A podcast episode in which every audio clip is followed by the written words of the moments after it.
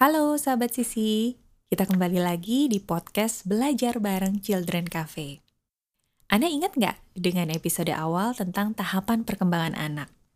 Nah, para ahli biasanya membagi perkembangan mereka ke dalam beberapa aspek. Di antaranya ada aspek kognitif, aspek motorik, aspek emosi, dan aspek sosial. Nah, kali ini kita akan membahas mengenai perkembangan kognitif. Di bidang psikologi, Jean Piaget adalah salah satu tokoh terkemuka yang teorinya sangat sering dipakai. Kita mengenalnya dengan teori perkembangan kognitif. Piaget merumuskan empat tahapan perkembangan yang dialami setiap individu. Kita akan bahas satu persatu ya.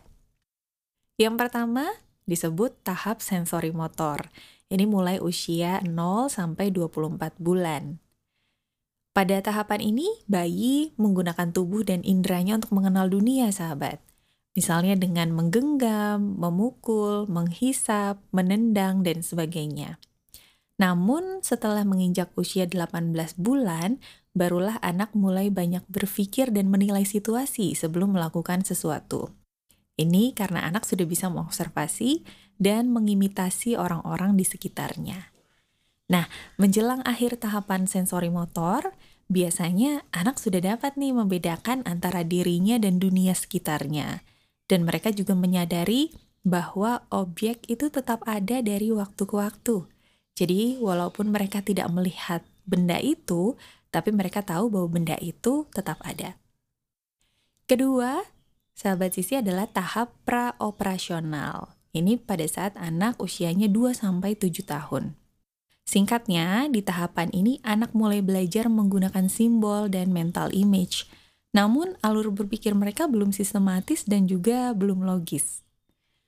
Contohnya, anak kadang belum bisa membedakan mana yang nyata, mana yang hayalan. Misalnya, superhero atau tokoh kartun kesayangan mereka dianggapnya sesuatu yang nyata. Nah, kalau contoh untuk penggunaan simbol adalah anak-anak mulai belajar mengenal huruf, angka, bahkan juga bahasa. Itu adalah salah satu bentuk simbol. Sementara kalau contoh mental image, ini bisa kita kaitkan dengan memori dan bagaimana mereka membayangkan benda-benda. Contoh saat menggambar, sahabat sisi. Jadi, mereka sudah mempunyai kosakata atau mempunyai tabungan memori, mempunyai tabungan image, sehingga jika kita sebutkan salah satu nama benda, mereka langsung bisa membayangkan seperti apa benda itu. Nah, yang juga khas dari tahap praoperasional ini adalah istilah egosentris, yaitu kondisi di mana anak-anak melihat sesuatu dari sudut pandang tunggal, yaitu dirinya sendiri. Jadi terkadang mereka belum bisa membedakan antara perspektif diri sendiri dengan perspektif orang lain. Oke, kita akan mulai bahas tahapan yang ketiga, yaitu tahap operasional konkret. Di sini usianya usia SD, sahabat sisi, yaitu 7 sampai 11 tahun.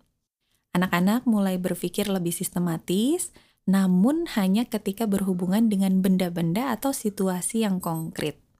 Contohnya, anak sudah bisa mengurutkan benda dari yang terbesar ke yang terkecil, atau yang paling panjang sampai yang paling pendek.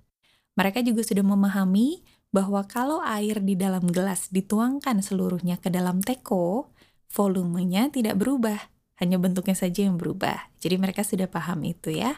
Dan mereka juga sudah menguasai klasifikasi atau pengelompokan untuk benda-benda yang sudah mereka pelajari.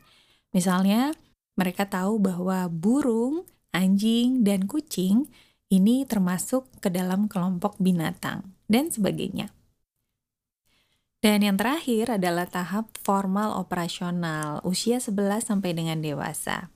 Di tahap inilah remaja mulai dapat berpikir secara sistematis dan juga abstrak. Mereka mampu menganalisa atau mencari sebab akibat berdasarkan konsep-konsep yang abstrak, tidak harus konkret lagi, sahabat.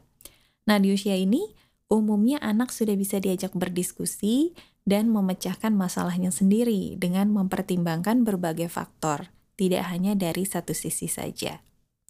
Sahabat sisi itulah tahapan perkembangan kognitif anak dan remaja dari Jean Piaget.